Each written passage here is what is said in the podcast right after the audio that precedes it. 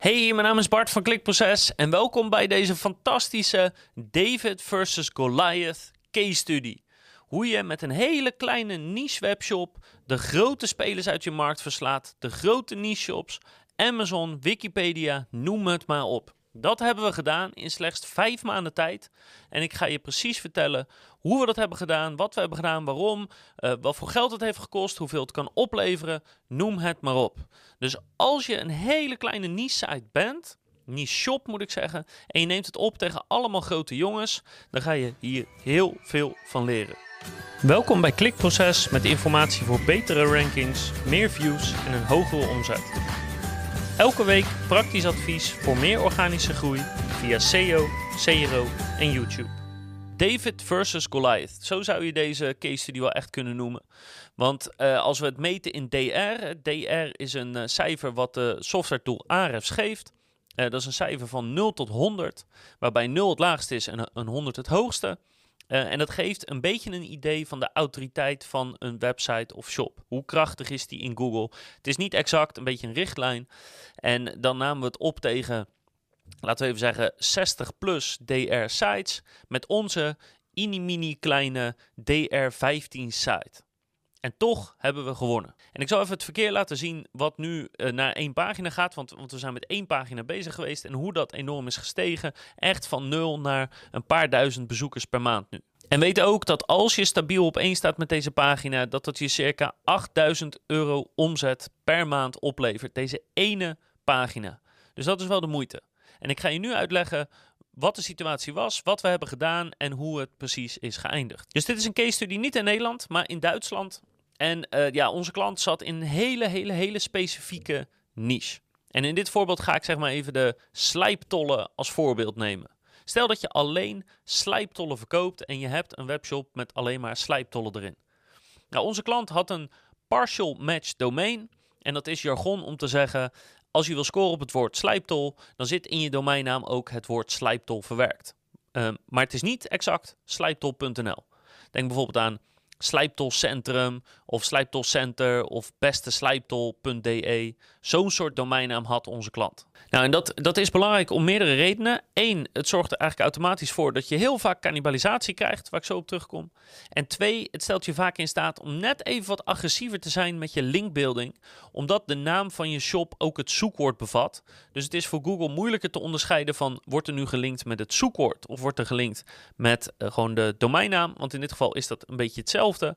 Dus dat stelt je soms in staat om bepaalde voordelen te behalen. En de pagina waar we op wilden gaan scoren heeft één groot zoekwoord met een zoekvolume van 8800 maar ook nog een hele rits kleine zoekwoorden. Maar voor het gemak ga ik even zeggen dat het totale zoekvolume naar deze pagina ongeveer 10.000 per maand is. En bij andere zoekwoorden, als, als we slijptol als voorbeeld pakken, moet je denken aan slijptol kopen, slijptol bestellen, uh, goede slijptol, goedkope slijptol, beste slijptol. Er zijn vaak allerlei verbasteringen van het zoekwoord. Nou, en we zijn in de, de SERPs, de Search Engine Result Page, gaan kijken van wat is de concurrentie waar we tegenop gaan nemen. En daar weet je niet heel gelukkig van. Bovenaan staat een hele grote webshop. Echt zo'n zo'n uh, keten, een beetje mediamarkt idee.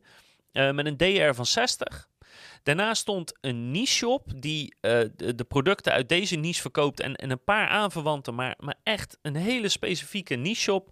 Maar die bestaat al sinds 2014, heeft een DR van 43 en is echt een beetje gevestigde naam in die, ja, in die niche, in dat stukje. Amazon stond daarna, DR van 90. Uh, weer een hele grote webshop die ook allerlei fysieke uh, winkels heeft. Uh, weet je, weer een beetje Mediamarkt idee. DR73. En daarna kwam Wikipedia met een DR van 94. Veel mensen die zoiets zien, denken dan van ja, maar is dit niet gewoon te competitief? Is dit niet gewoon te moeilijk om hierop te scoren? En het antwoord is: het hangt er vanaf. Kijk, we verslaan met regelmaat zulke partijen. En in Nederland heb je het dan vaak over Coolblue, Bol.com, Wecam, Decathlon. Uh, weet je, zulke partijen. Dat, dat lukt over het algemeen goed. Maar er is één belangrijk ding waar je dan naar moet kijken. Hoeveel aandacht geven ze jouw categorie? Dat is de hamvraag. Want een hoge DR hebben en een grote site zijn is leuk. Maar als de categorie die nu scoort in Google niet echt aandacht krijgt. Onpage is niet fantastisch. Interne linken naar de pagina zijn niet super. Ze doen niks aan linkbuilding voor die categorie. Dan scoort die pagina alleen maar omdat het toevallig een grote site is die ook dat verkoopt. omdat bol.com toevallig hè, slijptollen verkoopt. Omdat de Mediamarkt toevallig slijptollen verkoopt. Maar als jij een niche-speler bent die die pagina wel aandacht kan geven, dan lukt het ons consistent, echt 100 uit 100, om ze te verslaan en om bovenaan te eindigen of in elk geval goed in de top 3 of top 5. Dus dat zijn we gaan controleren. Nou ja, hoge DR, dat hebben ze allemaal. Uh, toen we de onpage zagen, dachten we al, nou, niet super. SEO-titels waren een beetje raar. Meestal was het gewoon uh, wat je heel vaak ziet standaard bij, bij webshops. Dus bijvoorbeeld slijptol-mediamarkt.nl. Weet je, zulke soort achtige titels. Bij Amazon zag je dat bijvoorbeeld ook. Uh, onpage, ja, was prima, niet fantastisch. Uh, eerste signaal is bijvoorbeeld dat er geen FAQ's ingesteld zijn. Geen veelgestelde vragen. en, en qua linkbuilding was er helemaal niks. Gewoon letterlijk nul in de afgelopen half jaar. Nul linken, behalve een paar van die rare spam dingen. Dus we dachten, oké, ja, het is niet het allermakkelijkste ooit. Maar het krijgt geen aandacht, dus dit is te doen. En toen zijn we een plan gaan maken. En zoals altijd de volgorde, techniek checken en op orde brengen. Daarna structuur, daarna de onpage en daarna linkbeelden. Dat is eigenlijk altijd de volgorde als je zo een pagina wil gaan aanpakken. En technisch gezien was de shop prima, behalve dat er onwijs veel zoekwoordcannibalisatie was op dit zoekwoord binnen de shop. En dat heeft eigenlijk meerdere redenen. Dus één is, ja, het was een shop van DR15, dus er zijn amper linkjes. Dus Google neemt niet heel veel tijd om te bepalen welke pagina nou precies waar moet scoren. En twee, omdat er eigenlijk best wel veel pagina's waren die ook van een soort min of meer geschikt waren. Dus ik snap wel dat Google een beetje in de war is. Want je had de homepage, die heel lang scoorde op het zoekwoord. Want ja, het zoekwoord zat in de domeinnaam verwerkt. Je had de categoriepagina met al die producten in het overzicht. Je had een hele grote informatiepagina met een hele handleiding over dat product en hoe het precies werkt en hoe je het goed kan gebruiken. En daarnaast had je ook nog verschillende subcategorieën die nou ja, dus ook dat zoekwoord in zich hebben, want het is een subversie als het ware van het zoekwoord. dus bijvoorbeeld heb je een slijptol en dan hadden ze een categorie met... Uh, uh, met merken, hè, slijptol plus merk. En de categorie met slijptol plus, plus prijs. Hè, slijptol van 100 euro, slijptol van 200 euro. Nou ja, die subcategorieën, daar zaten sommige van in de weg. En uh, zoals bij heel veel webshops, soms zitten ook individuele producten in de weg. Kortom, cannibalisatie was een groot probleem en dat gekoppeld met een lage DR, ja, dat zorgt ervoor dat dat wel een uitdaging is. Zoals je ook in de afbeelding kan zien, als je ziet hoe het de afgelopen twee jaar gewisseld is tussen pagina's, is echt niet normaal. En het vervelende was, toen wij begonnen met het werk, en dat was in juni van 2021, toen scoorde de homepage, eh, die, die stond een tijdje al soort van stabiel, maar de homepage is niet de pagina die we wilden laten scoren. Dus als je naar de grafiek kijkt, dan zie je uh, de kleur paars is de informatiepagina over dit onderwerp, uh, oranje is de homepage, geel is een subcategorie, blauw is de juiste categoriepagina, dus dat is de pagina die we wilden laten scoren. Rood is een productpagina en groen is eigenlijk een andere categoriepagina met een aanverwant product. Dus het was een beetje een zooitje. En dat was dus ook de eerste taak om te bepalen welke pagina hoort hier eigenlijk te scoren. Nou, dat was niet zo ingewikkeld. Als je namelijk googelde op het onderwerp, op het hoofdzoekwoord, kreeg je alleen maar webshop, e-commerce categoriepagina te zien. Dus dat was niet zo ingewikkeld. Onze webshop categoriepagina moest ook scoren. En twee is, hoe gaan we dat dan doen?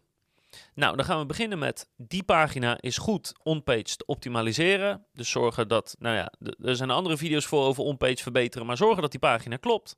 En twee, dat we de andere pagina's gaan de-optimaliseren van het zoekwoord. Dus dat we het zoekwoord zoveel mogelijk uit de pagina's gaan halen. Uit de afbeeldingen, uit de tekst, uit de SEO-titels vooral, hele belangrijke. Dus de rest halen we naar beneden, die pagina halen we omhoog. En als we dat koppelen met een stuk linkbuilding wat we vervolgens gaan doen, dan kan je doorgaans de cannibalisatie oplossen, zoals je ook bij deze pagina kan zien. toen we dus de pagina hadden bepaald, de onpage hadden verbeterd, de rest hadden gedeoptimaliseerd, zijn we in feite vooral gaan linkbeelden. Dus maand 1 en een stukje maand 2 was vooral op de site zelf. En vanaf nou ja, einde van maand 2 tot en met maand 5 zijn we vooral gaan linkbeelden. Ongeveer 2 à 3 linkjes per maand, waarbij we hebben gekeken wat is dit product precies? Kunnen we daar sites over vinden? Nee, die bestaan niet. Laat ik bij het slijptol voorbeeld houden. Wie maakt er nou een site over een slijptol? Dat bestaat niet. Dus we zijn gaan kijken wie gebruikt dit product. Hè? Wie zou een slijptol gebruiken? Nou, dan kom je uit bij bloggen over de bouw of over doe het zelf bijvoorbeeld. Nou, zulke soort linkjes gaan we gaan, gaan zoeken, gaan vinden, contact zoeken met de eigenaren en daar hebben we publicaties over gekregen. Twee à drie linkjes per maand gedurende dus een maand of ja, zeg maar drie. En dat was genoeg om de cannibalisatie op te lossen en om de juiste pagina bovenaan in Google te zetten. Waar die nu een beetje tussen 1 en 3 wisselt. Eigenlijk elke dag staat hij op een van die posities. Maar we zijn ook nog niet klaar en we weten als we die linkbuilding gewoon gestaag aanhouden nog een tijdje, dat we gewoon strak op 1 blijven staan. Nou, ik heb even een berekening gemaakt van wat dit precies kan opleveren. Als ik namelijk alle zoekwoorden alle longtail versies, alles bij elkaar optel, dan kan de pagina als geheel circa 17.000 zoekvolume zijn. Dat is het maximale volgens Ahrefs. Nou, uit ervaring weten we dat Ahrefs er altijd onder zit, dus het echte volume is ongeveer keer 1.5. Dus het echte zoekvolume is 25.500 per maand. Als ik dan conservatief ben en ik ga uit van een eh, CTR van positie 3, dan is dat ongeveer 6% CTR. 25.000 500 zoekvolume per maand, maal 6% CTR, dan ontvangt de website 1530 bezoekers per maand. Als die nummer 1 positie staat, is dat ongeveer twee keer zoveel. Als je uitgaat van 5% conversie, wat niet heel gek is, want het is echt een niche shop, dus mensen komen heel gericht binnen. En een orderbedrag van ongeveer 50 euro, dan kom je uit op 1530 bezoekers, maal 5% conversie, maal een orderbedrag van 50 euro, is 3825 euro omzet per maand wat deze pagina oplevert. En als hij dus strak op 1 staat, is dat ongeveer het dubbele, dus richting de 8000 euro per maand. En dat is in vijf maanden tijd gelukt met een budget van slechts 1000 euro per maand. En dat lijkt me een hele geslaagde investering. Ik hoop dat je er wat aan hebt gehad. Als je nou ook in een David versus Goliath situatie zit en je hebt nog vragen of, of dingen over jouw specifieke situatie, Laat dan een reactie achter op YouTube. Stuur een mailtje naar bart.klikproces.nl. Dan wil ik je met alle plezier helpen. En ik hoop dat je de volgende keer weer kijkt, luistert of leest. Dan heb ik nog veel meer adviezen, tips en case studies op het gebied van SEO, CRO en YouTube.